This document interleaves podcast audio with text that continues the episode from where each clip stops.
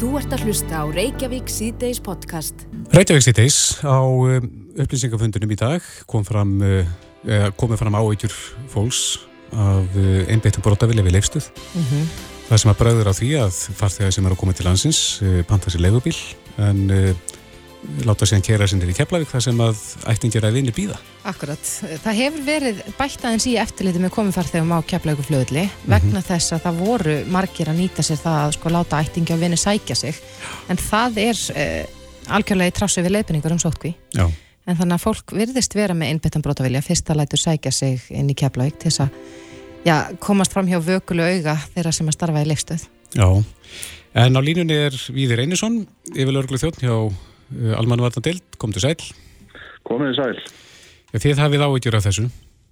Já, við erum svona búin að vera að horfa á þetta, bæðið náttúrulega eins og, og framkominn daginn, það var ekki eftirlitt í tengstum við þetta og fórum að tellja þetta og, og þetta var svona yfir 30% þeirra sem komi var að vera að sækja með þessum hætti og, og þegar við fórum að vera með leitinni til fólks og bendaðum á það að, að ef þau var að sækja fólk þá var þetta til að vera með þeim í sótkví og, mm -hmm. og annars líkt og þá, þá hérna einhverju leiti brást fólk við með þessu sem ég nefndi í dag, við varum að heyra það að fólk bara, bara færa sig, fara lengur á liftu til þess að láta sækja sig. Og þetta verður náttúrulega svona vekkur okkur til umhersunar, bæði, bæði bara hérna það er hversu alvarlega fólk er að taka þessum leifinningum og, og þessu ástandi sem við fást við sérstaklega núna í tengslu við landamærin, en líka bara við verið að velta verið hvað getur við gert betur? Og hvernig getur við nálgast hennan hóp uh, bara með meiri þjónustu og, og annað, það er náttúrulega er búið að vera nú í dálfinn tíma sem að flugrútan hefur ekki gengið bara vegna þess hversu fáir er að koma og það er verið að skoða það hvort það setja að koma því á staðaftur og, og svo hafa fyrirtæki verið að bjóða bjóða upp á að fólk taki bílalegu bíl e, í bæin og, og sem er þá geta þá hérna, ef fólk er að ferða saman fjölskyldur að koma með einhvað slíkt þá geta það verið ódýrara heldur að taka legubíl og annað slíkt. Þannig að það er svona Það við erum að reyna ekki bara að, að, að stoppa þetta með einhver eftirlit, þetta er líka að leita leiða. Hvernig getum við gert þetta uh, með þeim hætti að fólk velji eitthvað annað heldur en að sækja sig? Og, og þar sáum við þetta þegar við tókum hérna gældið af sínatökunni, hvað það var miklu einfaldar að fá fólk til þess að fara í sínatöku þá. Mm -hmm. Og þetta er að einhver leiti öruglega spurningum um peninga, að það sé, fólk sé að leita bara að haka með til leiðinni til þess að, til þess að koma þangar sem ætlar að vera í sótkvíu og við erum að skoða það hvort við getum ekki einhvað gert til þess að koma mót við þetta. Já, en þið komist að þessu, að bræðu var á þessu með auknu eftirlit, en hvernig, hvernig eldu þið fólk? Nei, við vorum bara með, það voru sem frá laurglakeflæglu voru laurglumenn úti og stafsmenn bara fylgjast með, bara fóru að tellja, voru ekkert, fyrsta, fyrsta bara var það að sjá hvort að, hvernig þetta væri og, og, og það var eins og segið, það var það var yfir 30% af þeim sem að, sem að hérna, voru að koma með flögi voru sóttir mm -hmm. og síðan fórum við í framhald af því að vera að hafa afskipta af fólki og benda þeim á, á þetta og svona hvort þau var að miskýra leifinningarnar á annað slíkt og, og hérna þannig að það er svona verið það sem við erum verið að gera við erum að reyna að vera með þessar leifinningar og svo, svo fengum við þessar upplýsingar að það var bara þessu að fólk væri að það er að forðast að það væri að hafa, væri að hafa og fara lengri í burtu en eins og segi við erum að reyna bara að, að berjast á landamærunum með öllum tiltakum ráðum og, og, og þetta er eitt þeirra að reyna að finna leiði til þess að, að, að verði, fyrst, verði, einhver, verði einhver annar valkostur heldur en það að láta sækja sig það sé það sem fólk muni hugsa fyrst. Akkurat, eru einu valkosturni núna, eru það þá að taka leigubíl eða þá einfallega að vera með bíl upp í lefstu? Já, það eru þessi, þessi möguleikar sem eru eins og staðin akkurat í dag, það er það að einhver skilji eftir bílhandaðir sem þú getur tekið og, og, og farið á samkvæmst að það fari sótkví það er að taka leigubíl og það er auðvitað, auðvitað valkostur. Og síðan þriðja þá eru einhverjir eh, bílalegu aðlar að bjóða upp á, á hérna, það að þú getur tekið bílalegubíl bíl, eftir bílalegubíl og, og þú eh, hérna, keirir hann í bæin og hann sem síðan sóttur sóttu til þín. Mm -hmm. þannig að þú sést það, allt kostar þetta auðvitað peninga og, og, og rútan er heldur ekkit ókipist þá hún sé, sé ódýrasti kosturinn fyrir, fyrir einstaklingin ef hann er einnáfærið en eins og, eins og segja ef, ef fjölskyldur að ferða saman þá kannski regnist það með öðruvísi. Þetta er, þetta, þetta er klárlega það sem við þarfum að skoða og fara yfir. Það er að hvort að segja þetta með einhverjum hægt að fjölga þessum valkostum sem fólk hefur. Því það er auðvitað í í einhverju tilfellum þá snýst þetta um, um kostnál. Já. Er fólk döglegt að láta ykkur vita ef það verður vart við að, að svona sé málum háttað, að það sé verið að skuttla fólkinir í Keflavík og, og náið að þangað? Já, þetta er náttúrulega kemur einmitt í gegnum, kemur einmitt í gegnum svona það, tilkynningar, það sem að, það sem að hérna, fólk, fólk sá svona, svona verið að gera bara og í nokkrum tilfellum, þannig að, að í þeim, þeim tilfellum let fólk allavega vita en svo hafa menn svona verið að fylgjast með því bara hvernig þetta er og, og sé það að það er, það er svona, hefur einhver verið aðeins meiri strömmulega bíla mm -hmm.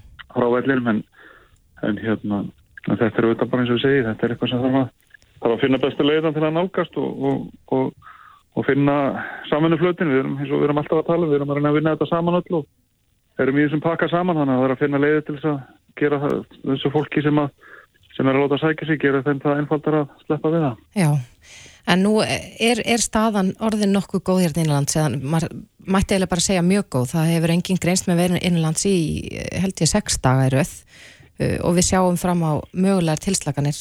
Hvernig metur þú stöðuna í dag? Já, ég er bara sammála ykkur í því. Þetta staðan er bara góð og, og hérna og uh, Þóról hefur kynnt það og hann sé að, byrja að hugsa, hugsa sína tillögur um tilslaganir og það er bara ánægilegt og og verður spennand að sjá hvað hann leggur til þegar, þegar það að kemur.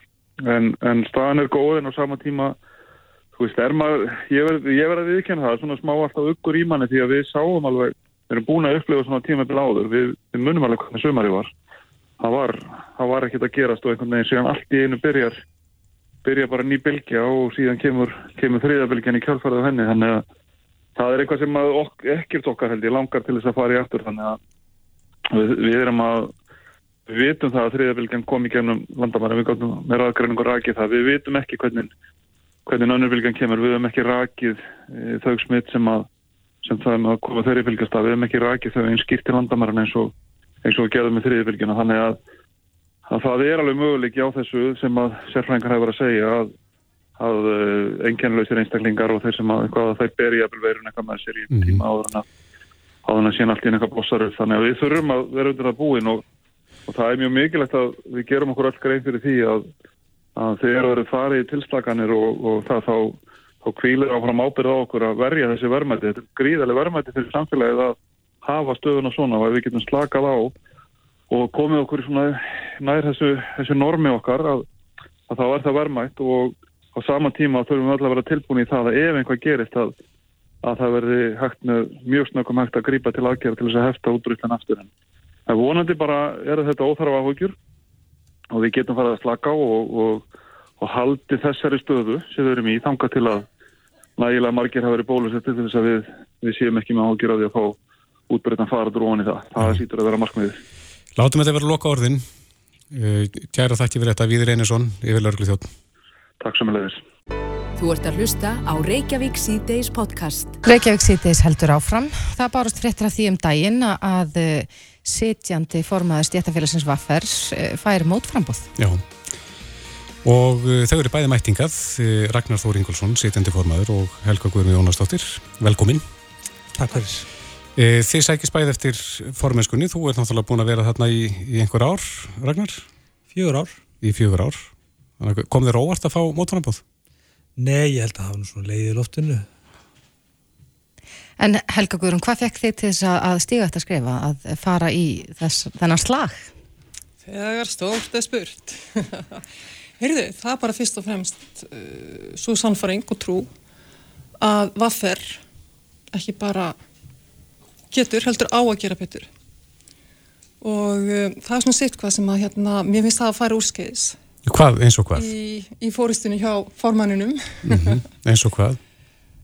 Já, til dæmis bara, semst, mitt slagur hefur verið, semst hérna, bara eflum vaffer og setjum kraft í kjærabartunum og mér finnst bara vaffer hafa verið að gefa pínu eftir í kjærabartunum sem er svona leikil, leikil verkefni, verkalýsfélags, eða stjættafélags, að sinna kjörum allra félagsmanna. Og, og hvaða félagsmenn hafa þá setið eftir á þínum aði? Uh, mér finnst semst að kjörin hafa gefið pínu eftir, uh, bæði semst að svona hvað launaþáttinn varðar og hans þróun en líka hvað lífsgæðatengt kjör snertir. Og við sjáum til dæmis bara mjög nýlegt dæmi að BSRB er náttúrulega komið með uh, tækjadaga styrting og vinnuvíkun á mánuði. Og þetta er alveg risaskref sko. Og ég er nú verið að tala við fullt af aðfyrir fjölum undarfarna daga og það var einn sem ég rættið í gær, hún á eigimann sem er opistalsmaður og hann er sem sagt með fjóra vinnudaga aðra hverju viku og fimm vinnudaga aðra hverju viku þannig að hann er með þryggjadaga helgi þriði hverju viku og hann er náttúrulega ótrúlega mikið lífskeiði sem að félast í þessu. Þannig höfum við verið að gefa eftir. Um, við hefum hins vegar sko ef við skoðum bara launaþótti þá hefur náttúrulega stað okkur ofbáslega vel í lagstu laununum og það hefur náttúrulega verið lift greittistaki sem er frábært og það hefur við gert með fjölum okkar innan ASI og við hefum staðið þétt í þeirri, því samstarfi og það er frábært. En hérna restin, hún stendur svolítið eftir og sko tölum við hlutin eins og þeir eru hérna, það eru ekkit mjög margir innan, innan hérna vaffer á allar lagstu launum Guðisalof, við erum ekki þannig félag við erum fyrst og fremst millitökjufólk og þar hafa kannski hlutinir ekki verið að gerast alveg nógu hratt eða nógu vel. Nei, hvað sérum við þessu Ragnar? Gefið þið eitthvað eftir í baráttunni? Nei, ég held að flest allir vafferfélag geta verið saman um það að við höfum verið ákála áberandi og framsækin í öllu því sem við erum að gera og varandi stýttingu vinnuvökunar og þá voru við eina stjætafélagi sem fekk reyna stýttingu ánstans að þurfa að selja frá okkur kvildatíma og uh, hérna þó að 45 mínútur á viku uh, hljómi ekki mikil stytting að þá geta vafferfélag stytt upp í alltaf 2 klukkutíma á viku. 45 minútur á viku eru næstíð heil vinnuvika á ári og e, þegar að kemur að samningum á almennamarkanum þá er nú meirinn að segja að ná hlutunum fram oft á tíðum. E, við ruttum þá brautina og það er mjög ánægilegt að ofnbörjufélagin skuli koma síðan og eftir e, og leggja í mitt suma áherslu eins og félagsmenn okkar vildu að við færum fram með í síðustu kjærasamningum og kannski ef, ef við förum kannski svona spólum örlíti aftur þá hérna uh, fagna ég því náttúrulega mjög að það sé komið mótframbóð sérstaklega fyrir mitt þess að geta annarkvart eða endur nýja umbóð mitt með mína stefnu eða sömulegis minn mótframbjóðandi sem er með allt aðra stefnu og aðrar áherslur það veriðist og hérna og þetta var nú markmið árið 2009 þegar við opnum félagið fyrir sé, öllum félagsmennu sem geta bæði bóðið sér fram til trúnaðarstarfa og eða kosið.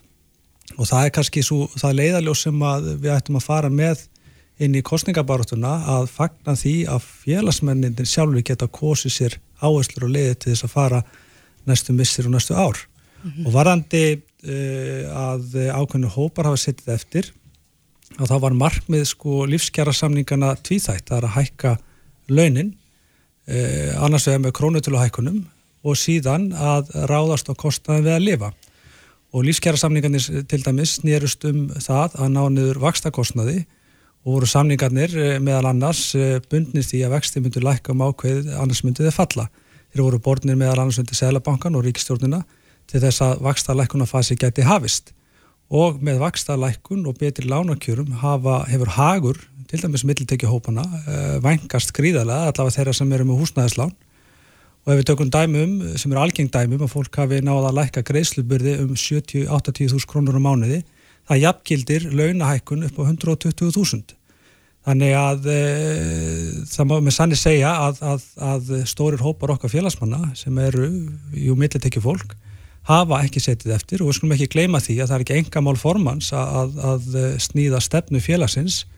Það vorum 3600 félagsmenn sem komu að kröfugerðinni fyrir síðustu kjærasamlinga 3600 maður, aldrei fleiri. Og það eru fyrst og fremst félagsmenn sem að bæði móta kröfugerðina uh, með í gegnum kannanir og síðan mjög breytt bakland af trúnaráði, stjórn trúnaðamennum sem að móta síðan uh, kröfugerðina, full mótana og fara síðan með hana fram og út frá því eru við síðan að mhm. fylgja henni eftir bæði í störfum okkur í dag og síðan með lífskjara samningnum sem að undur þetta var í april 2019. Helga Guðrun, ert þú uh, sammálið þessu að, að þú segir hér áðan að mittiltökju fólk hafi settið eftir, Ragnar Þóru vill meina svo sé ekki?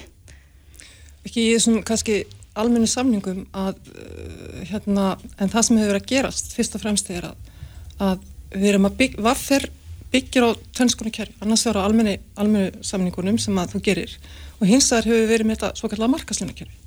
Þar hefur við verið að gefa eftir bara reynd og beint í sagt, hérna, aðstöðu fólks til að semja um sín laun og þar hef ég bara haft allar áhugjur að þróunu undanfærin ár.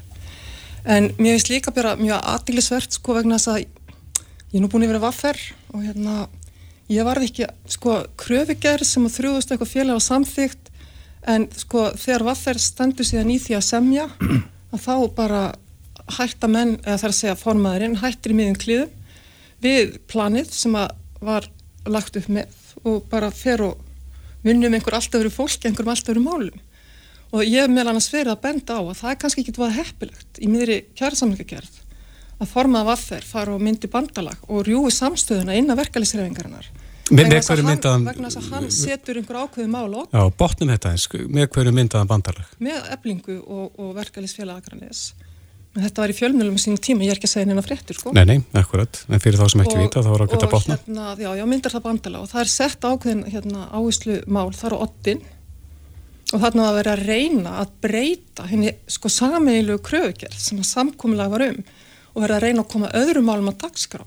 Eins og til dæmis það að lífyrsjóðir hérna fari nú að, að fjármagna um, sem samfélagsverkefni og að við tökum 40 ára verðtrið lán út, af, út úr lífyrsjóðum sko. þannig að, og menn sögðu þú veist býta okkur um að fólk ekki velja um, um, um lánsform og lánstíma og eins þetta með að hérna eins og ég segi, tölmur hlutin eins og þeir eru ef við erum að fara að setja lífyrsjóðun okkar í að fjármagna um, samfélagsverkefni sem, sem að er ekki með einhver ávægstunarkröfu hvað eru við þá að gera? Það er tvenn sem gerist þú sem yðgjaldagreðandi færð á þig sko tísköttun annars vegar með yðgjaldurinn þínu sem greiðir í lífyrirsjóðunum fyrir samfélagsverkefni mm -hmm. og síðan með sköttunum þínum sem fyrir ríkisjóðu fyrir samfélagsverkefni þannig að þú færð þann vafastama heiður að, vera tískattaður fyrir samfélagsverkefni eh. og hins vegar þá náttúrulega er lífyrirsjóðun ekki ávaksta yðgjaldið fyrir lífyrirnið þínu þannig að, að ég er svolítið talað um þetta sem orustuna um lífyrirsjóðskerfið mm -hmm. Og, hérna og þar hefur okkar formaður verið ofbásla fastur finnst mér og reyðbúin að rjúa samstöðuna í síðustu kjærasamningum mm -hmm. til þess að koma þessu á opning. Hvað segir þetta Ragnar? Uh, yfirgafst þitt fólk og, og þá kröfutjör sem var uppi og mynda bandala með öðrum? Sný, snýrið af leið? Fyrst og fremst bara óskiljalegur málflýtningur. Uh, staðan uh, sem var í aðrænda síðustu kjærasamninga var bara svo að, að að það var tekin ákvörðun, samninga nefndar sem er ekki bara formað að fer, heldur stjórnin og, og, og í samráðu við baklandið sem að telur trúnaðaráð upp á, upp á 90 eh, manns eh, eða rúmlega það. Og það var tekin ákvörðun að fara þessi leið og eh, við töldum að það væri farsætla að eh, fara stærri hópur saman til þess að ná meiru fram heldur en að fara þröngur hópur eða til dæmis eh, eh, ef við hefum tekið bara vaffer ég er ekki vissum að við höfum náð betri samningum eitt og sér eh, heldur en að fara í, í myndarunni breyðfylkingu eh, stærri hóps til þess að ná meiru fram. Og ég held að allt talum það að sé kljúfa okkar samstöðu sem er innan vaffer, þar sé að milli mismunandi tekihópa sé bara mjög hættuleg þróun vegna þess að það hljóta allir að sjá að saminuð uh, samtakamáttur heildarinnar er styrkur reyfingarinnar og styrkur vaffer og við höfum ekkert gefið neitt eftir eða gáum ekkert eftir okkar kröfum í þeim efnum. Varandi lífyrirsjóðana að, að þessi málflutningur er náttúrulega algjörlega sko óskiljanlegur. Það sem við höfum verið að kalla eftir er að lífyrirsjóðani komi að fjárfestingu í innviðum eins og íbúðurhúsnaði. Uh, það er gert allstæðir í kringum okkur, hvað sem við horfum á Norðurlöndin eða sérstaklega Þýskum mælendarlöndum og við hefum verið að horfa til þess mótels það sem að bæði fara saman eh, ástónukrafi lífyrirsjóða og hagsmunir eh, þeirra sem að leia og búa þannig og byggja þannig upp heilbriðan leikumarkað þar sem að fólk getur notið sama búsettu og framfæslu örgis mm -hmm. eins og gerist á Norðurlöndunum og líka hjá þeim sem er að eiga, eiga húsnaði sjálf. Já, rétt aðeins í lókina því að tíminn flýgur frá okkur. Já, það er bara, mennum náttúrulega með gegnumstreymi sjóðu þarna og með allt öðru sér lífyrirsjóðskerfi. Við verðum nú átt okkur á því, sko. Já, heldur en hér. Já. En aðeins að því að uh, búist yfir að þetta verði hörð bara átt að þú neytist nú til þess að að uh, sína samstifti þín við lauruglan á Suðurlandi sem jú, að síndu þá að þú verður ekki hvorki aðili uh, að væri ekki aðila máli hvorki sem sagbortningur eða vittni. Það er ótrúlegt að það er að standa í svona málsvörn og svona þvættingi sem að frettablaðið setti fram. Það telur þetta að vera hluta af kostningabarátunni?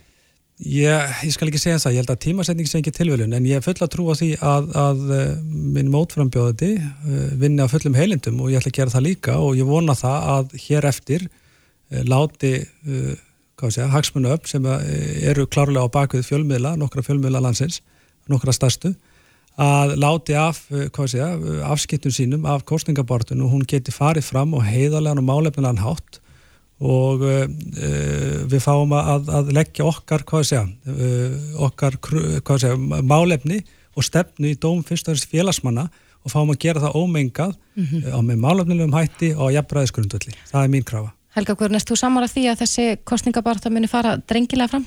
Það mun ég allavega, ég mun allavega heia hann á mjög drengilegum fórsendum og hérna legg einmitt áherslu á málefnilega barótu, algjörlega og, og, og gagsæja.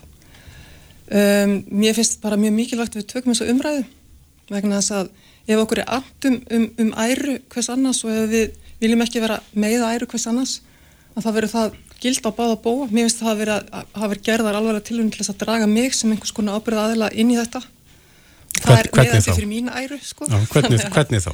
Ég meina mér finnst bara að láta það því liggja lengt og ljóst og það hljóta verið einhver sko, tengdur mér eða eða mínum vinum sem, sem að standa að þessu. Og það er náttúrulega bara algjörlega lausa að þú setja að reyka þá erinda einhver annara heldur en nákvæmlega, það er algjörlega sko, og lausaloftu gripi og engin fótur fyrir því. Þannig að, þannig að ég hvet eindreiði til málefnilegar baróttu og að við gætum vel að æru hvers annars, það, hvers annars og séum ekki að meiða hana og það er mjög mikilvægt að komið fram líka að uh, svo lengi sem þú ert fullgildur félagsmaður og uppvillir ákveðin skilir sem við setjum uh, innan félagsins fyrir frambóði að þá eru allir jafnir, það getur allir bóðið sér fram. Mm -hmm. og uh, ég er ekkert jafnari heldur en mótframbjóðum inn í þeim efnum. Við eigum að hafa segja, það á að gilda ákveði jafnbræði í, í því sem við erum að setja fram Þannig að félagsmenn okkar geti valið á líðræðslegan hátt og það er það frábæra við líðræðið að geta valið sér uh, hérna,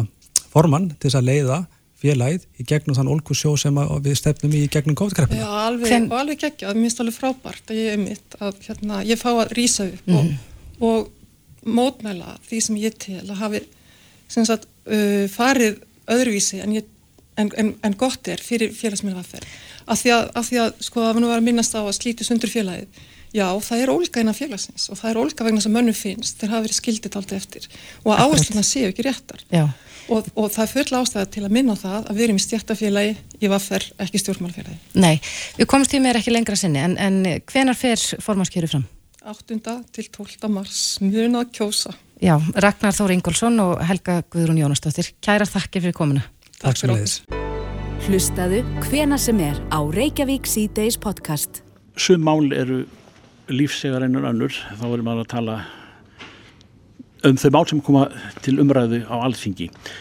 Og eh, við rákumst á eh, orðið mikla og það er, það er svona, maður fyrir að mann er ís hugur í því að ræða það jafn oft og það hefur nú komið fyrir í alvarlegu myndum en, en svona leiðir til þess að koma þessu fyrir í, í stjórnsýslunni e, varðandi bætur, bæði líkamlegar og, og fjárhagslegar. E, svo ég tala nú bara svona sangvænt þessu sem að stendur ég að vel í plagginu því sem hún Sara Óskarsson er með hér fyrir fram að mig nýri alþingi og, og hún er að tala þessu máli e, Haldur á móðinsinn er eh, fyrsti flutnismæður en, en eh, hún er batningla frí en, en þú hefur tekið þetta þetta flokna verkefni að þér Sara, að tala um mikluna, þann fjanda fyrir göðu. Já, e, eins og segir þá er þetta máliðinar Haldur Móinsen sem er núna í barningafríi og núna er ég í velferðarnemnd í hennar stað og hef því fyllt málinu eftir eftir að hún flutti málið núna í oktober síðastlinum inn í þingsal. Um, þetta, þessi þingsálutina til að snýst um að fela, félags- og barnamálar á þeirra í samráði við heilbyrðisráð þeirra að leggja til nöysilega breytingar á lögum og reglugerðum til að uppræta og koma í veg fyrir tjón vegna rakaskemta í fasteignum. Og til að hann sjálf er í sex liðum og þessi liðir um, eru allir jafn mikilvægir. Um, sá fyrsti snýstum að auka réttindavend þeirra sem verða fyrir tjóni vegna rakaskemta Númer tvö, efla sjálfstætt eftirlit með prófunum á byggingarefni áður en það er tekið í nótkunn hér á landi. Númer þrjú, efla þekkingu fagaðila á rakaskemdum og forverðnum tengdum þeim. Og gera aðgengilegar á miðlegan hátt upplýsingar um framkvæmt og húsnæði. Eins að taka upp jákvæða kvata fyrir tryggingafélög að tryggja húsnæði gegn rakaskemdum og að taka að, jákvæða, upp jákvæða kvata fyrir fastegna eigundur til að koma í vekk fyrir og uppræta rakaskemdir á eldra húsnæði. Þannig að þetta er eins og heyri svolítið yfirgripsmikil þingsálatuna tillaga en hún er rosalega mikilvæg og við höfum séð ákveðna vitundavakningu núna síð, upp á síðkastið í sambandi við uh, heilsufarstjón vegna raka og skip, uh, miklu skemta í húsnæði og sem getur haft mjög alvarlegar afleðingar fyrir suma einstaklinga og, og, og framkallað mjög hættileg veikindi. Þa, Þannig erum við að tala líka um uh, skóla, skóla í Kópói, skóla í Forsvogi í Reykjavík. Eh, þannig að þetta kemur svona poppar upp svona á, á ólíklegustu stöðum Já, við höfum um mitt séð þó nokkra fjölmjöla umfjöllun núna upp á síðkastið um það þar sem að þetta er að koma fram á mentastofnunum mm. uh, heilbriðistofnunum jafnvel og á heimilum fólks og þetta er viðfemra vandamál heldur en að við gerum okkur grein fyrir mm. og þetta eins og tillagan hveður áum að þá er svo mikilvægt að fara aðarlega í forvarnir mm. vegna þessi fyrsta legi að uh, greiningarúræði fyrir þá sem að hljóta til dæmis heilsufarslegt tjón að völdu miklu uh, þau eru mjög fá og meðferðurúræðin líka. Það getur oft verið mjög erfitt að skera úr um hvort að um sé að ræða veikindi vegna miklu og rækaskemta þannig að við þurfum að leggja hitan og þungan í þetta forvarnar starf um, hvað varðar að, að koma í vekk fyrir að máli komi upp í fyrsta lagi. Og, og hérna tillagan um, fer í mjög hérna veiga miklum atriðum uh, hérna hvernig við skulum gera það. En nú, nú segir manni sagan að að það er svona takmarkaðu skilningur á þessu svona almennu skilningur á hvað, eins og þú segir hversu afdrifarík eh, hérna, miklan getur verið mannlífinu í húsum þar sem fólk býr eða vinnur. Og, og manni svona virðist eins og að, að, að þetta svona gangi treglega svona í, í, í gegnum stjórnkjörið, er, ertu farin að finna fyrir því eða, eða er, er almennt góðar undirtektir? Sko núna, eins og ég segi, nú, nú sjáum við bara þetta gerast samhliða á sama tíma, hérna utan þings sem og innan. Við erum að sjá umræðinu og orðræðina og vitundavakningum þessi mál í samfélaginu meðal annars vegna umfjöllunar. Um, ég rekk minni til þess að landlæknir sjálf hafi talað um í, í hérna, umfjöllun kompás um málið mjög nýlega og það náttúrulega vekti miklu aðtikli þetta skiptir allt máli til þess að, að koma, koma með þetta inn í samfélagsmeðvitundina. En svo náttúrulega bara það að hérna sé þessi tiltakla þingsálutina til að komin þetta langt mm. uh, núna, hún er búin sagt, við kláruðum aðra umræði í dag og máli fer í atkvæðagreislu mjög fljót, fljótlega.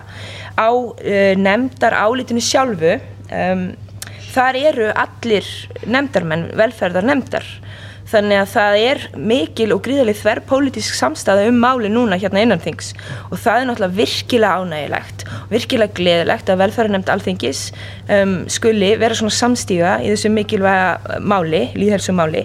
Þannig að ég hef vonað því að, að þó að um kann, að kannski verið tekuð einhver tíma að ná flugi að þá séum við að fara að sjá til lands í þessu máli núna. Sara Óskarsson, um það er annir hér hjá ykkur en uh, sannarlega gott að heyra að, að það er, þú finnur fyrir meðbyr þegar það kemur að því að menn tæki ákvörðinu hvað skuli koma næst. Takk fyrir þetta. Já, takk. Reykjavík síðdeis á bylginni. Jæja, við tölum nú oft um uh, þyngd og oft þyngd hefur nú verið svolítið í fréttum Já. sem eitt af alvarleiri heilbyrðisvandamálum uh, vestarans heims. Akkurat og við, við tölum líka bara oft um helsu og, og það eru alltaf til einhverja töfralausni við hinn á þessu, það eru kúrar og, mm. og allskynns eh, líkamsrættar átök og, og þvíum líkt. Erum við ekki alltaf að býja til pillu við öllu? Ég held að það sé svona, fólk vil skemmtilausnir, margir hverjir. Já, auðvöldustu leiðina. En ég las hér greina inn á pressunni þar sem að, sem fyrir heiti tímamóta liv veldur verulegu þingdartabi. Já. Og þetta er um, sem sagt rannsók sem var gerð og, og byrtar neðustöður í New England Journal of Medicine og þar segja allavega sko þeir sem hafa unnað þessum rannsóknum uh, að þetta sé tímamóta lif. Er þetta lif sem að dregur þá úr hérna list, matalist?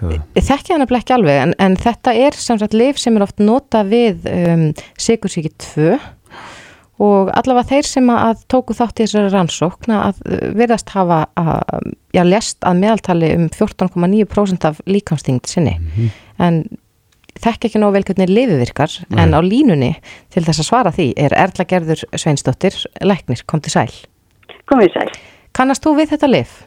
Já Og er það nýtt á nálinni að, að, að þetta lif sé notað í þessum tilgangi? Sko, já, það er sem betur fyrir að koma fram uh, nýjar rannsóknir sem að gera okkur kleift að nota þetta liv beint fyrir einstaklingar sem eru með sjúkdómin ofittu mm -hmm. en þetta er búið að vera uh, í notkun við uh, sykursíki tölvöðan tíma þannig að við erum komið alltaf reynslu á að nota þetta liv og uh, í klínskum leifinningum uh, nýjum sem að, uh, eru hér fyrir Ísland þá er ráðlagt að nota þetta leif fyrir einstaklingar sem eru bæði með áfittu og sykursíki. Mm -hmm. Þannig að við erum búin að vera að gera það núna endanferðið og, og, og, og það er bara lofur góðu. Hva, hvernig virkar þetta leif? Hvað, hvaða áhrif hefur það? Sko uh, þetta vinnur í auðvitað insulín sikur efnaskipta kerfinu uh, og enda sagt, upphafla nota þannig.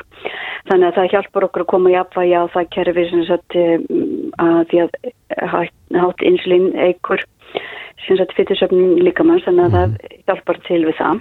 En hins vegar eru þá þessar nýjur ansöknir að sína okkur að það þarf, þetta gagnast já líka hjá þeim sem eru ekki með sikursíki. -hmm. Þannig að, að, að, hérna, að þetta vinnur á fleiri stöðum í líkamannum og það sem við erum í rauninni að gera þarna er að setja inn í líkamann hormón sem að mestingavegurinn á að framleiða og senda heilanum sem skilabóðum af þessi mónsött. Mm -hmm. En, eh, en mestingavegurinn gerir það ekki alltaf og hérna þannig að stundum eru stanslös skilabóð um að maður sé svangur þó að, þó að uh, hérna líkaminn sé í rauninni að fá næga orku já, já. Og, og hérna það er mjög já, erfitt að, að hérna tjónka við það kerfi því þetta er náttúrulega lík sagt, þetta er það kerfi sem að hjálpar okkur að halda lífi og mm. það er mjög upplugt og það, það hérna það uh, tekur fram fyrir hendunar og allri skynsimi og lærdómi og allir því því að þetta kerfi bara vinnur sína vinnu. En hvað gerir það verkum að þetta kerfi í raun og veru hættir að virka sem skildi, hættir að senda eh, heilanum bóðum að við séum sött? E, ég veit það ekki og ég held að enginn veit það. Mm. hins vegar veitum að þetta er hérna, ofta grunni erða, að það er, matalist er mikið stjórnað af genum Þannig það er, það er eitt. E, síðan er heilmikið um bara hvernig líka minn lærir að bregðast við umhverfi sínu og, og, hérna, og þeim mat sem hann fær og, og svo leiðist. Þannig að það, ég held að þetta sé bara mjög fjölþætt og við höfum ekki alveg svöru við því af hverju það gerist en það er hins vegar mjög gleðilegt að hafa þá einhver ráð við þegar við, við gera eitthvað í því þegar við sjáum að þetta er mm. að gerast. En er það rétt, skiljið rétt með þetta lifa, það dregur úr framljósli líkamast á insulíni? Nei, nei, það gerir það ekki. En, en það hins vegar jafnar insulín sagt, hérna, styrkin í blóðinu sagt, svona hjálpar insulínkerfin að halda jafnvægi. Já. Þannig að, að, þannig að með því að hafa meira jafnveg á því kerfi þá svara frumundar öðruvísi þannig að þær eru ekki eins stiltar á fytursöfnun eins og þær annars eru. Akkurat, en, en í hvaða tilvikum er uh, þetta liv gefið? Er það fyrir þá sem að, að kannski hafa reynda að uh, hafa stjórn á, á þyngd og, og ekki tekist það með næla góðum hætti? Sko, e, svona sérhæð yngripp eins og liv e, og, og þá líka eins og skurðagerðnar mm -hmm. að það þarf alltaf að byggja á góðum grunni. Við þurfum alltaf að byrja fyrst að koma góður, góðu jafnvægi á alla líkanstarsimina og síðan getum við þá séð ef að það stendur eftir óeðlileg sengdartilfinning eða þá að, að mettina tilfinning er bara ekki til staðar að þá getum við farið og, og nota þetta lif. En það er ekki skinsamlegt að setja bara einn lifið og huga ekki að grunninu. Það er bara eins og við séum að auðsa og auðsa á þess að stoppa lekan. Þannig að það þarf lífstilsbreytingu líka með. Það, það þarf alltaf. Spurning hvort að fólk er búið að, að sagt, koma lífstilum í gott horf og nærast vel og reglulega að fá nægilega prótín í hverju máltíð og allt þetta. Mm -hmm. En hérna og, og síðan ennlega streyta og svefn og gömul áföld og það er alls konar þættir sem maður þarf að vinna með til þess að líka með geti sko stýrt þingdini sinna á eðlilegan hátt mm -hmm. Og það er alltaf að koma fram betri og betri þekking á sjúkdómnum ofittu og hvernig þingdar stjórnunar kerfið okkar er rauninni að virka. Og þá e, bara eins og við aðra sjúkdóma þá er, eru sko geta verið margar mismunandi meðferða leiðir og þetta liv getur verið eitt af því. En ef að það er eitthvað allt annað kerfi heldur en þetta sem ég var að lýsa með, með sengdar og settu kerfið alltaf sem að eitthvað allt annað kerfi sem að er að, að hérna kvarta þá náttúrulega er þetta liv ekki fara að laga það. Nei, en þið eru já, fyrir ekki það? Það er ekki eftir bara að gefa það blind og svo verður bara allir grannir sko. Nei, akkurat, en hver er reynslan af nótkunn þessa livs hér? E, góð. Eh, þar sko það hefur verið eh, og er annað liv sem að hérna má gefa beint til einstaklinga með áfittar reyndar mjög strángar skorður á neðurgreislu uh, hérna livjana og, og, og það, eins og við höfum mátt nota lifi til þess að þá hefur það bara verið hjá einstaklingum þar sem að eru komnir með röskun á sykuröfna skiptakerfinu þannig að uh, ég hef ekki notaði lifið hjá þeim sem eru hérna með áfittu án sykursíki. En þessar rannsóknir eru að segja okkur við megum gera það og þá megum við nota það í hans að hæri skamtum. Þannig að mér finnst bara mjög gleðilegt að við fáum fleiri verkværi til þess að vinna með þennan alvarlega sjúkdóm. Já, en þetta, þetta tiltekna lif, eh, eru, eru einhverjar aukaverkanir af því? Já, já. Eh, ég held að þessi ekki búið að finna það lif sem er ekki með eh, aukaverkanir. En sko það er náttúrulega þannig að við erum að hægja á til dæmis magatæmingu þannig að ógleði er eitt af því sem að getur, sem er tiltölu algengt. Mm -hmm. og, en það er hægt að bregðast við því með því bæði að byrja hægt á lifinu og, og, og hafa þá uh, matar skamtana minni og auðvunstari fæðu og slíkt. Já. Því að náttúrulega hægjum við á meldingun líka þannig að harlifi er mjög algengt. Já. En gild, stóra gildran er að þegar að við erum að draga úr matalist og fólk sem er búið að vera að reyna að halda í sig árum saman og loksins kemst á þann stað að líka minn er ekki að byggja um neitt að það er svo mikil hætta og fólk hætta að borða og borða of lítið mm -hmm. og þá, það er mjög sko sterk skilabróð til líkamann sem hættu þannig að hann fer að setja allt inn í fyttuöfun til þess að bregðast við þessu hættu ástandi. Hann sapnar forða. Sapnar forða mm -hmm. og því að mhm. svar líkamanns í rauninni þegar að áfittan er komin, þegar að þeir eru búið að í rauninni raska þessum kerfum, að þá er svar líkamanns við allri óg að bæti fyttivef og hann gerir engan greinamun á hvort þetta er stress út af einhverju í, í, bara í daglega lífinu eða vinninu eða hvort þetta er matarskortur eða hvað, hann bara svarar með því að láta fólk finna. Já, leikillin að setja í sín næringu. Nákvæmlega. En uh, hvað heitir lifið? Eh, ég veit ekki hvað það mun heita eh, sagt, á þessu hérna, sagt, eh, þegar það kemur í þessari útgáfu. Það heitir eh, grunnlifið er semiglútíð og eh, markasnafnið er Ozempic fyrir þegar maður gefur það við sikursíkinni mm -hmm. en ég bara reynlega veit ekki hvað það mun heita þegar það kemur markaðinni í hérna fyrir oftuna. Nei. Erla Gerður Sveinsdóttir, Læknis, kærar þakki fyrir þetta. Takk sem leiðis. Þetta er Reykjavík C-Days podcast. Kíkjum aðeins til við nokkar á stöð 2. Á sunnudaginn hefst fjórða þáttaröð af, af einum af mínum uppáhaldsþáttum að öllum hinnum ólöstuðum mm -hmm. en þetta er leitin á upprannum. Já. Ég hef verið límd við skjáin, gerðsamlega.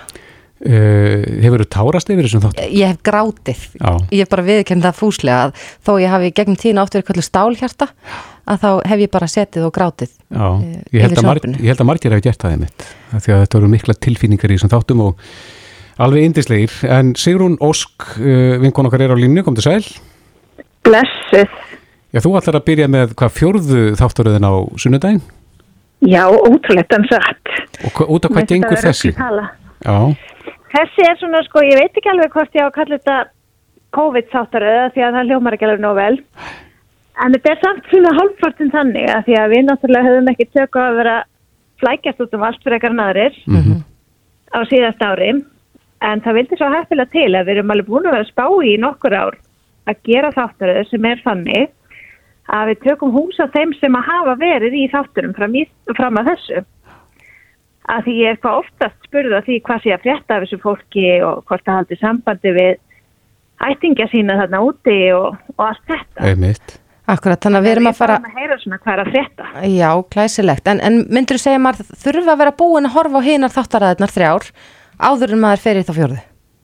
Ég myndi segja, við erum náttúrulega að reyna að hafa það þannig að þetta standi eitt og sér Mm en það myndi, ég held að fólk myndi græða á því að vera aðeins búið að rifja upp Já, og ég þar, tala nú ekki um að fólk er ekki búið að sjá sko að kíkja á og það vil þannig til að allar þessar þáttaræðir eru inn á stöðtöð plus. já, einmitt. En uh, hvað er það margið þætti núna?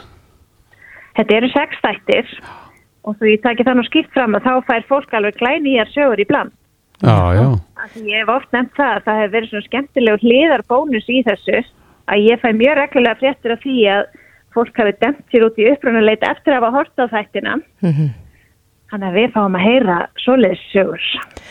En við tölum með aðeins um hérna áðan og ég viðurkendi það fyrir alþjóð að hafa setið og, og grænja fyrir fram á sjónvarpið. Er þetta tilfinninga þrungnir þættir í þessari þáttarið?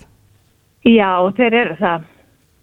Það er náttúrulega ekki alveg eins að hafa ekki náða að vera með myndavél alveg ofan í fólki þegar að þessi augnabliki eru. mhm, En við erum samt svo heppin að núna er fólk náttúrulega með myndavélar á sér alla daga, allan daginn í síminum þannig að það er tilfyllt af myndefni. já.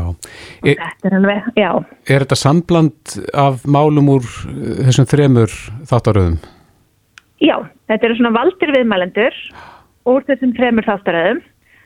Mörg svona uh, þeirra mála sem að flestir mun eftir held ég.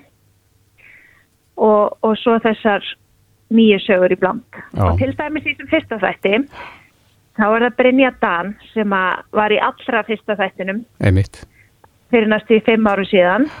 Og svo erum við líka með viðtal við stelpu sem er nákvæmlega jakkumil henni og líka frá Sri Lanka. Satt við sjónvarpi og horfi og ákvaða að þetta var eitthvað sem hún er að gera. Já, frábært. Og sjáum við hvað kom út úr því. Á sunnudaginn þá fáum við að sjá fyrsta þáttin í þessari nýju þáttaröð. Já, Sigrun Ósk Kristjánsdóttir, kærar þakkir fyrir þetta. Takka ykkur og beða helsa.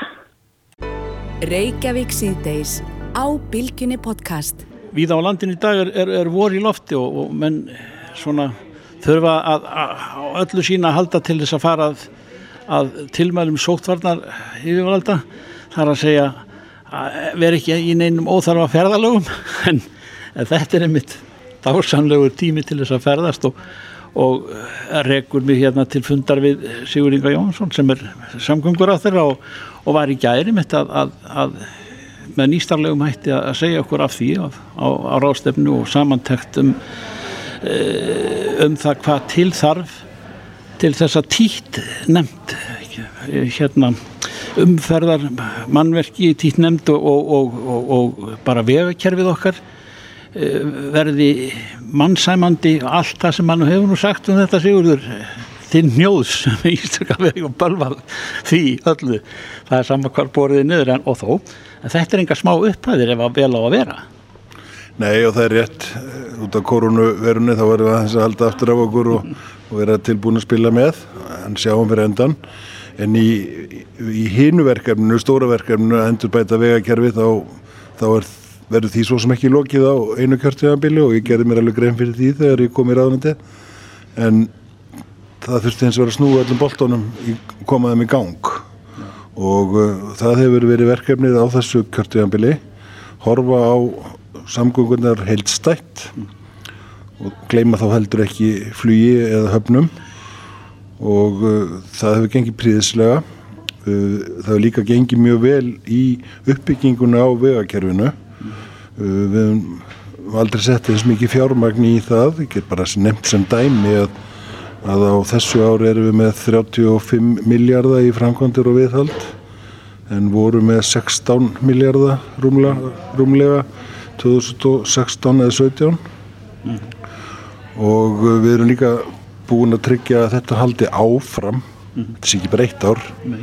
Uh, inn í, inn í næstu ár og ef við horfum á 15 ára samgönga áallun uh, höfuborgarsáttmálan þar sem við erum loksins að koma miklum framkvæmdum á stað 120 miljardum á 15 árum og svo þetta sem við kallum samvinnu framkvæmdir eða PPP framkvæmdir sem eru einhverja sex framkvæmdir á, á annað 100 miljardar þá erum við að tala um 900 miljardar á 15 árum í samgöngur.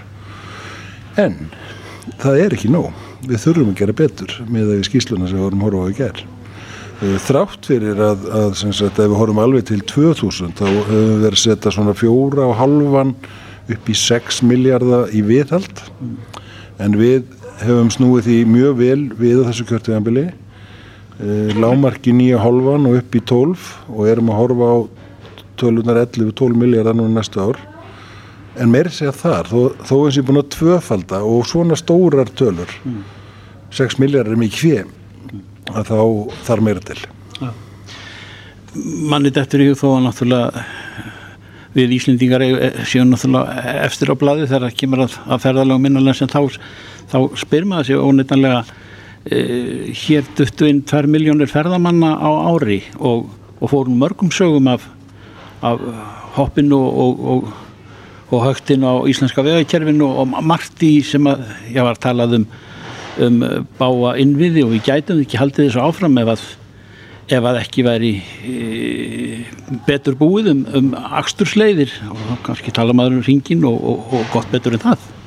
Já og þess vegna fórum við kannski aðeins breyta fórgangsröðun að leggja miklu áherslu á þessa umferða þingstu vegi inn út úr höfuborgarsæðinu þar sé Reykjanesbröðina, Söðlandsvegin, Vesturlandsvegin og erum með planum að aðskilja það rækstustefnur af því að þar voru alvarlegustu slísinn og það er langmæstu umferðin aðskiljastu stefnur upp í Borgarnes Östurhellu, tvöfaldar Reykjanesbröðina inn í Leifstöð mm.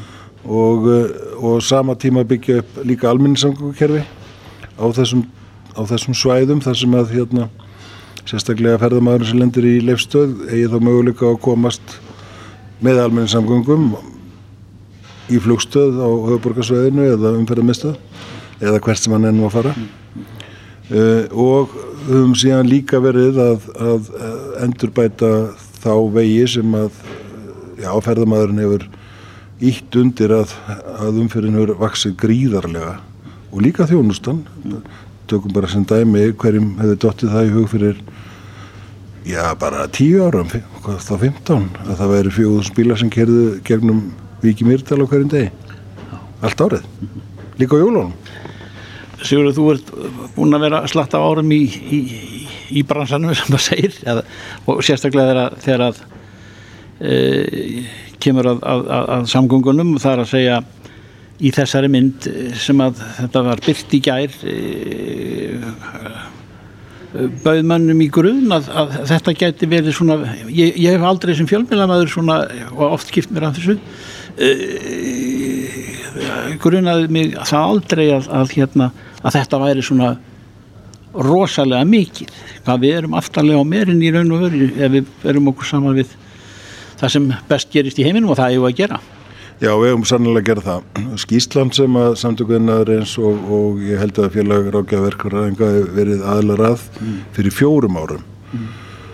uh, varpaði kannski svolítið nýju ljósi á þetta mm. þessi er þó uppfæsla fjórum árum síðar en svo skísla sem kom 2017 hún var kannski tekin á, á, á, svona, á stað þar sem að allir innviður okkar voru í slagasta formi, lagasta formi eftir að við höfum ekkert gert í mjög mörg ár eftir hrunið.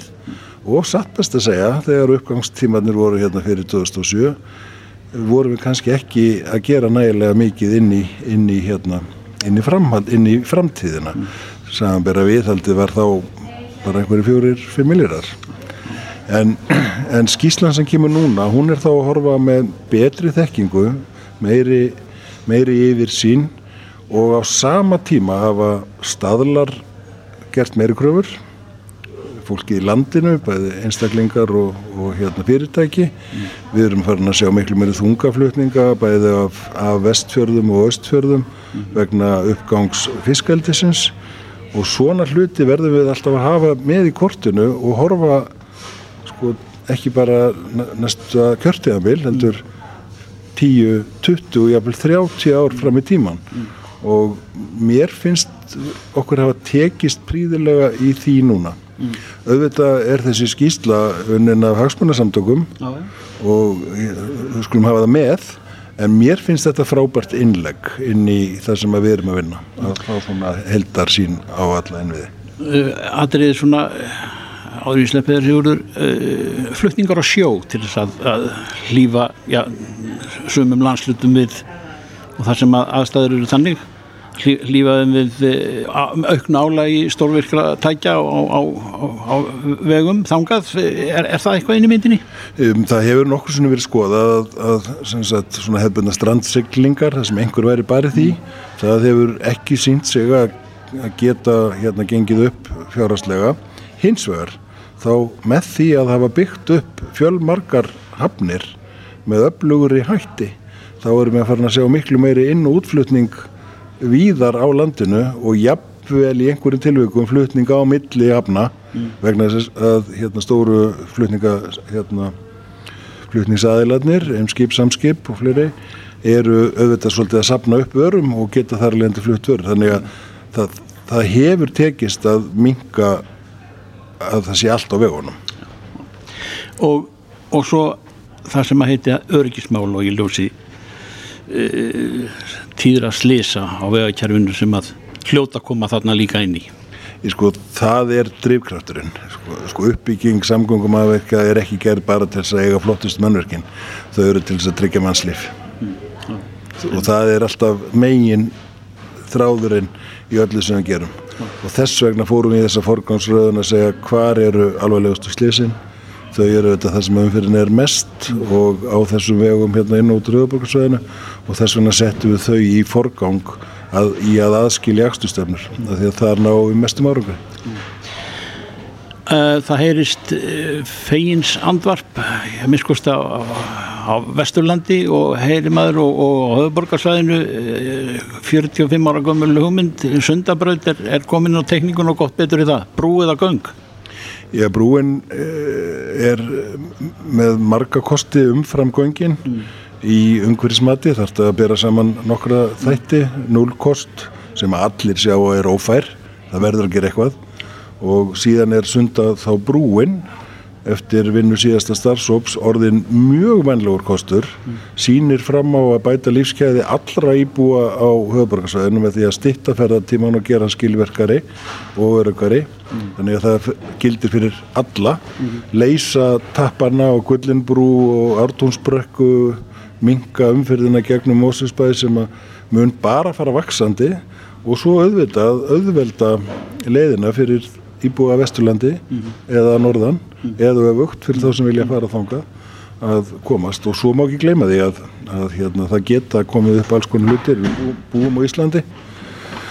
Og, öryggis, öryggislega séð þá uh, þarf einfallega bara fleiri leiðir inn út Reykjavík. Og svo að lókum í þessari yfirreyslu að þá, þá erum við að tala um tíknemda borgarlínu. Hvar stöndum við þar? Já, við erum komin á, þann ágæta stað að, að verkefnin er að fara stað þar, samhliða uppbyggingun á stofbröðunum og líka hérna, fjölbreyttari ferðamátum, hjóland og gangandi, af því að, og það er það sem að mér hefur fundist svo mikilvægt að leggja áherslu á, að við verðum að horfa á alla þætti samgangna á sama tíma. Einn ein uppbygging á einu sviði leysir engan vanda en með því að flétta þetta allt saman þá náum við árangri Sigurður Ingi Jóhansson, uh, samgöngur á þeirra kæra þakkir. Þetta er uh, langur vegur framöndan en, uh, og víin mörg alls ekki óvinnandi. Uh, það þarf að hafa hugan við þetta og afla mikil fjár til þess að þetta komist allt saman í höfn. Já, og okkur hefur auðnast það á þessu kvartinabili að setja umtalsast meira fjármagn úr ríkisjóði. Við hefum líka hort á nýja leiðir vegna þess að við gerum okkur grein fyrir því að það var ekki hægt öðruvísi. Samgóðsáttmálin er að hlut til fjármagnar með, með not, notendagjöldum eða annars konar tekjum eins og af þróun Kelnalands. Um, Samfunnu leiðirnar verða notendagjald en við erum hvort þið er að fara að skipta út bensín og dísilgjaldinu núna bara á næstu 1-2 hámark þremur árum yfir einhvers konar notenda hérna tengt göld um, sama tíma við verðum komið með kannski 50% innan forra ára bílum sem korki gleipa bensín í dísel og þá verður þau auðvitað borga fyrir aðgangin af veðkerfunu líka. Það gerur þau ekki í dag. Sigurður, takk. Takk sem leðis Reykjavík síðdeis á Bilginni podcast Jæja, Reykjavík síðdeis, það var verið að byrta nýjar atvinnleysistölur. Já, þar eh, kemur fram að atvinnleysi jógst allstaðar á landinu í januar, eh, nema á höfbruksvæðinu þar sem það stóði í stað, mm -hmm. en það jógst mest á suðunisum. Þetta eru háar tölur, Já. það verður að segjast eins og er, en það mm, til dæmis að þá er atvinnleysi í Íslandi 13% meðal karla en 12,6% meðal hvenna mm -hmm. en miklu hærri tölur sjáum við á Suðunísum. Já og uh, mest atvinnleysi hér svona ef við miðum við nákvæmlega löndin og hinn Norðurlöndin. Já. En uh, þetta veldir líka upp þeirri spurningu hvort að við þurfum að hafa sapna fleiri ekkjum í korfuna þannig að þegar einn stóðinn hrinur undan í nánast í einu lagi eins og núna með ferðarþjónustuna að að þá séu aðrar styrkar stóði sem að taka við. Já, þetta vissulega er kórnuveri faraldrum búin að hafa áhrif á, á öll þessi lönd en, en við virðumst uh, já, koma verður út úr þessu hvað þetta var þar. Já, á línunni er Haldur Benjamin, uh, frangværtastjóri í samtaka Atunlífsins, kom til sæl. Já, komið sæl, ég er að keira hérna niður aukstandalseðina. Já, þú í Guðanabannu farið varlega, þú ert með handralsan búnað og allt í lægi. Það sjálfsög. En uh, er þetta, er þetta ekki áhyggju efni þar að segja og þurfum við ekki að, að fjölga stóðunum? Þetta er þetta ótrúlega mikið ágefni og ég ætla að segja hverja því ég var að fundi þjóðhagsráði í gerð og þar var meðal annars verið að ræða stöðina í andunumálum og það er svo sem allir aðeila sem allir sko koma sammálum það að, að andunuleysi sé algjörst eitur í beinum Íslandingar og það hljóti að vera sammeilegt markið okkar núna á næstu vikum, mánuðum og visserum að draga verulega úr þessu aðrunuleysi samlega hækkandi sól og vonandi fara umsöðin í hagkerfinu að aukast. Mm. Það er líka þannig að það eru einmis úrræði sem að fyrirtækjum landsins bjóðast um þessar myndir meðal annars eh, styrk, ráðningar styrkur til þess að ráða inn fólk af aðrunleysiskrá sem það hefði ella ekki ráðið en það er þá samstarf fyrirtækjana á stjórnvandar Þannig að það eru margir að reyna að rói í suma átt að reyna að draga ón þessu aðrunleysi sem er sögulega mjög hátt og eins og þið nefnir í yngangi það hæsta á meðal Norðurlandi. Það aðvikast kannski að því að eins og nefnt var að ferðarþjónustan er í algjöru frosti og hlutfalslegt vægi ferðarþjónustu á Íslandi er herra en viða annar staðar og þar með talið á meðal allra Norðurlandana sem skýrir þetta mestu leiti. En uh, hvað sér þau? Menn eru vantilega að velta upp ymsum uh, spurningum svona hvað var í hægt og hvað gæti uh, komið þarna undir sem stóð. Hvað, hvað eru menn með augast að á einhverjum geirum sem að væri hægt að styrkja og styðja og, og íta þess undir? Þetta er að þannig að við horfum sko bara nokkra ára tíu aftur í tíman þá hefur Íslands hafkerfi verið til dæla einsleikt það er þó fjölbreytara nú en nokkur sem er fyrir Við getum farið aftur kannski rétt um 50 ár þegar að stóriðan var að handla sér um öll og núna eru þessar stóðir undir útflutningsgrinnundur okkar orðnar þrjár, fjórar hefur minsta og þær hafa líka sér að þið tekið miklum breytingum á undanfjöldum árum. Ferðarþjónustan hefur kannski fengið mest rými í umræðinni undanfærin áratöðu eða svo en það skildi engan undra. Það hefur verið alveg ótrúlegur vöxtur þar og svo sem allar spán gera ráð fyrir því að ferðarþjónustan verði fljóta, eða tilturlega fljóta ná vopnum sínum á nýjanleik þegar að kófinu líkur mm -hmm. það má reykja lungan af þessu atvinnuleysi sem við erum að horfa á núna til nákvæmlega þessu en síðan er náttúrulega margir hlutir á Íslandi sem eru öðruvísi en annar stað sem dæmi eru við að hækka laun í mesta atvinnuleysi sem mannst hefur svo áratugum skiptir.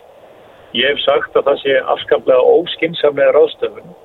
Það er ekki verið að gera það annar staðar í kringum okkur í þeim mæli sem við erum að gera.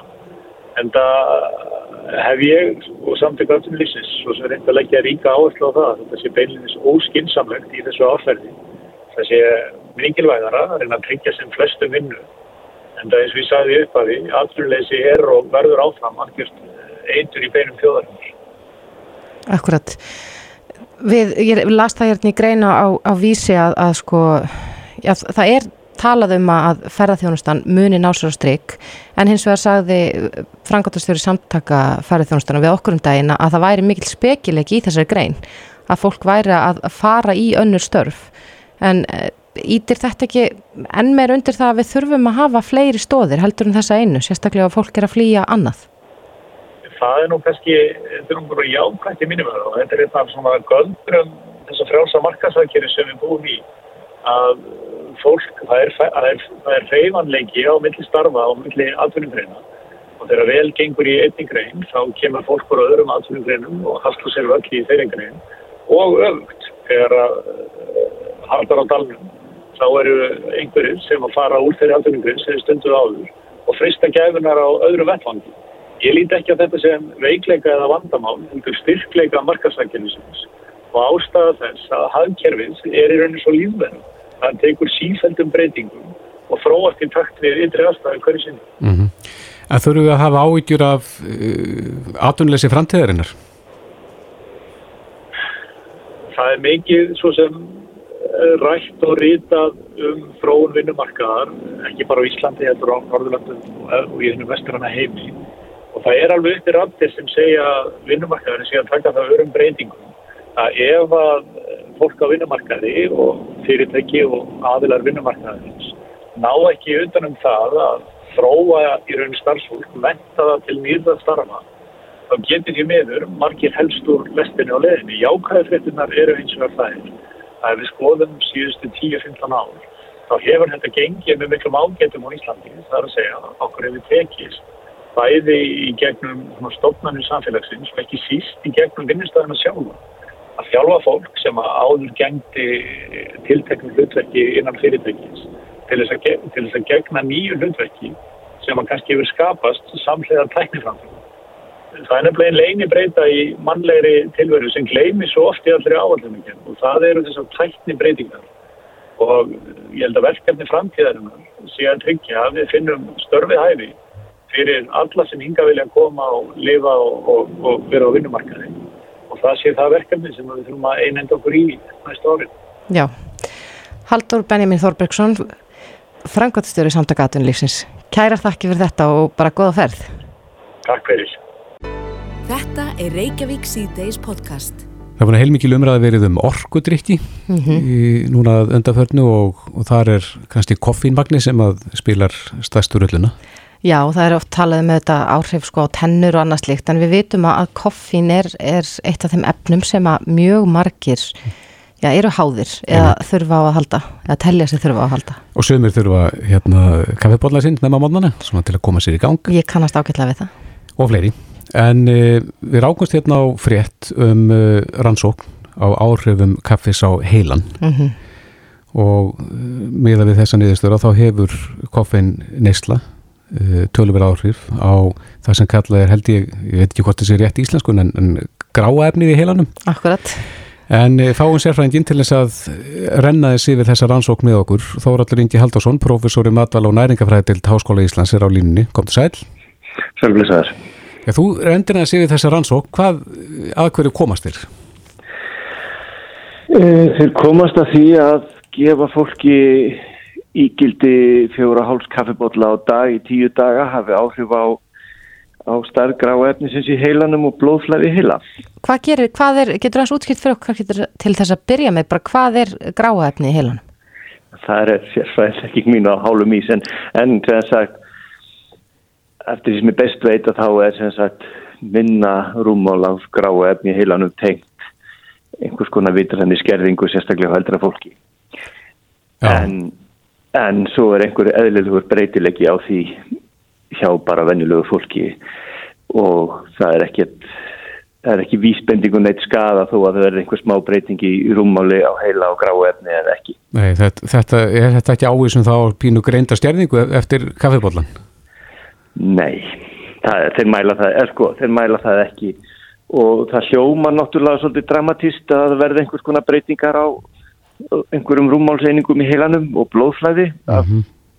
kaffineslu en það er ágætt að benda það að það verða alls konar lífræðilega breytingar hjá okkur við alls konar uh, hegðun, minna við erum styrðið í bakinu þegar við vaknum og, og hérna og verum þreytt ef við hefum okkur ekki og það eksplóðflæðir úr hlaupum og, og þetta eru svona lífræðilega breytingar og ef það er einan eðlar að marka þá er ekki ástæðilega hafa ágjur af þeim. Mm -hmm. En þeir vilja svona kanna kannski áhrifi meira á, á ungt fólk? Já, sko það sem að greinin kannski er áhugaverð fyrir er það að kenningin um það að þetta geti að, að, að koffinesla myndi hafa áhrif á, á gráefni heilunum og blóðflæði væri tengt í gegnum minni svert því að það er vitað að fólk sem séu lítið að það væri þessa breytingar mm -hmm. En úr því að þetta er kontrolleru til raun og þá geta það skilu á millu og það er þess að koffin verðist hafa þessi áhrif óháð sverni mm -hmm. og það segir okkur þá að, að kannski veitum við ekki allt um koffin sem okkur langar til að vita Venjulega hefur það verið tengt þannig að þeir sem eru í hófleri kaffineslu, það hefur yfirleitt komið betur útöldur hjá þeim sem eru ekki slikri kaffineslu. Mhm, en, en, en í þessu og, getur þú sagt okkur, hvað er hófleg kaffinesla? Já sko, hófleg kaffinesla, örug kaffinesla eins og matvaluristofnun, Európuskilgreinuna og margar aðrar stofnanir er sem sagt eitthvað í kringu fjóri kaffibólar á dag, ekki meira. Mm -hmm. Þannig ef við förum yfir fjóra... Og ekki meira, og ekki meira en einn tvefaldur expressu í einu. Nei, þannig ef við förum yfir þetta þá erum við fann að, að skafa okkur að ykkur liti. Nei, þá, þá er ekki að fullir það þessi örug neysla. En það sem að þessi grein beldir á að lífræðilega áhrif á koffín eru eiga sér stað á því bíli sem við teljum þessi örugt. Og með svona rannsóknir í staðin sem að fara að hafa áhyggjur á þessu niðurstöðum þá er þetta eitthvað sem að menna eftir að fylgjast í frekar. En það sem að hins vegar það sem rannsókn er áhugaverð fyrir er að með markasetning og orkudrykkjum og að það sé leifilegt að bæta koffinni í vörur sem eru selda börnum og þá eru við farin að framkalla þessar breytingar í heila á börnum fyrr heldur en kannski hefði gert áður þegar fólk byrjaði að drekka kaffi til tulla fullorðið. Mm -hmm, þannig að það er í raun og verið ekki búið kannski að rannsaka hver langtíma áhrifin eru? Nei, menn það er ekkit vita og það verður aldrei verið rannsakað á börnum og við erum með stóra tilurinn í gangi núna að hleypaði með orkudriki. E, það getur vel verið að það sé algjörlega skalust en við vitum það ekki en, en, en þetta er áhugavert í þessu sammingi og, og, og menn hafa tengt kaffinistlu, það er meira en bara koffin í kaffi, það eru andósnarefn og ímins lífirgefni sem að geta verið holl og menn hafa haldið að svona hófleg kaffinistla sé ekki að við nú slæma mm -hmm. en það er ekki að sama eins og þú setur virka efni bara í hvaða drikk sem er og drekkur hann. Nei.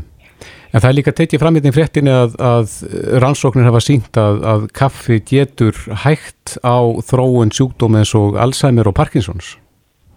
Jú, en það þarf ekki endilega að vera þessi gegnum koffinu, það getur líka verið gegnum andur efni í kaffinu. En, en þetta er svona, já, þetta er mjög áhugaverð grein að mörguleiti og þá verður gaman enn að vera fyllt eftir maður á samt að svona tólka varlega greinar þar sem að tíu einstaklingum er gefið eitthvað smá eins í töfluformi í nokkra daga mm -hmm. en, en, en þetta er samt mjög áhugavert með því að segja. En þetta er, sko, koffin er oft til umræðu og kaffi sem slíkt og, og ég held að fólk sveifli svolítið að milli þess að halda kaffi sé holdt og svo óholdt og svo aftur holdt. Hver er svona helsta niðurstaðan? Er, er í lægi fyrir já, fullari fólk að drekka þessa fjóra kaffipóla dag?